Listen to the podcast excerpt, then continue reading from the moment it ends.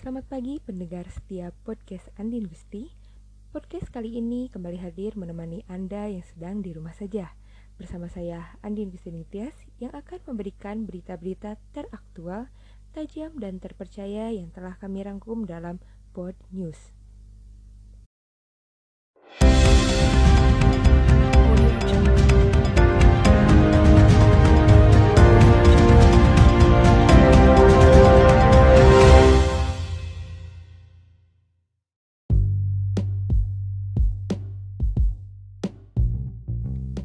Semenjak Presiden Indonesia Joko Widodo mengumumkan bahwa ada masyarakat Indonesia yang terpapar virus COVID-19 pada Senin 2 Maret 2020 di Istana Kepresidenan, kepanikan pun terjadi di berbagai lapisan masyarakat.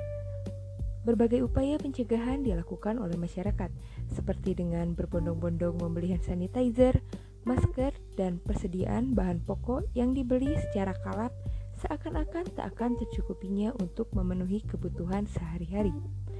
Kebutuhan yang membludak ini mengakibatkan harga barang menjadi menggenjolak naik, seperti masker yang pada awalnya dapat dibeli dengan harga di bawah 10.000 saja.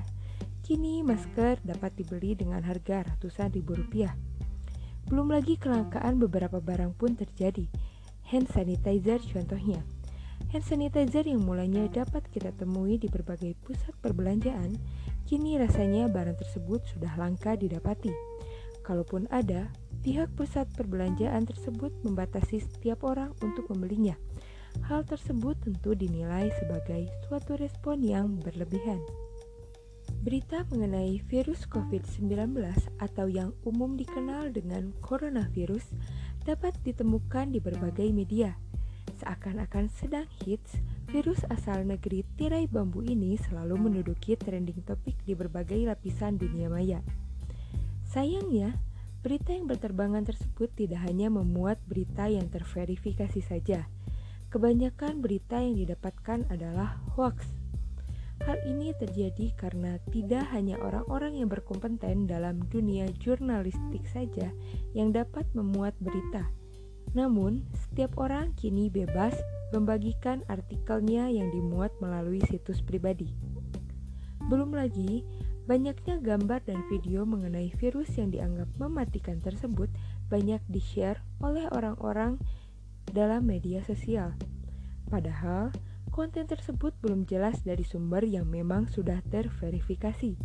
Dapat dibayangkan Berapa ratus orang yang sudah tertipu oleh gambar dan video tersebut akibat satu pihak yang tidak bertanggung jawab. Akibatnya, masyarakat akan merasa panik akan hal tersebut. Masyarakat kini sudah mulai merasa resah akan hal tersebut. Dalam keadaan genting seperti ini, masyarakat mengharapkan informasi dari satu pintu, yaitu pemerintah. Hal ini dapat menjadi solusi yang utama untuk menangani kepanikan yang terjadi di dalam masyarakat. Dianggap sebagai sumber resmi, akurat, dan terpercaya, pemerintah seharusnya dapat memfasilitasi masyarakat dengan berbagai berita yang terverifikasi dan menjaring berita yang dianggap dapat meresahkan masyarakat. Selain memfasilitasi akan berita-berita yang dilansir melalui media sosial, pemerintah pula harus mampu melakukan berbagai sosialisasi untuk pencegahan virus asal kota Wuhan ini. Organisasi Kesehatan Internasional atau World Health Organization atau WHO turut memperingatkan agar pemerintah Indonesia tetap menjaga dan memantau kesehatan masyarakat Indonesia. Bagaimanapun pemerintah bertindak, jika masyarakatnya hanya berdiam diri saja, pencegahan sulit dilakukan.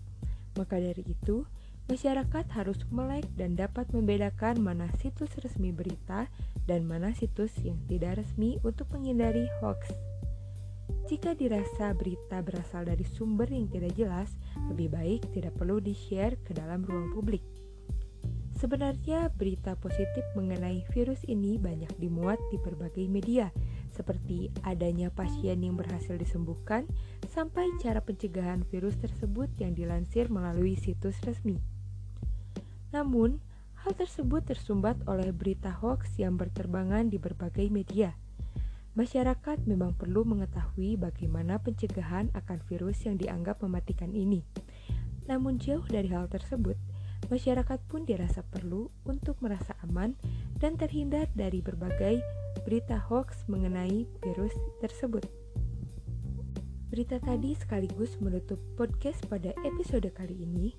Saya Andin Gusiring Tias pamit undur diri. Terima kasih dan sampai jumpa.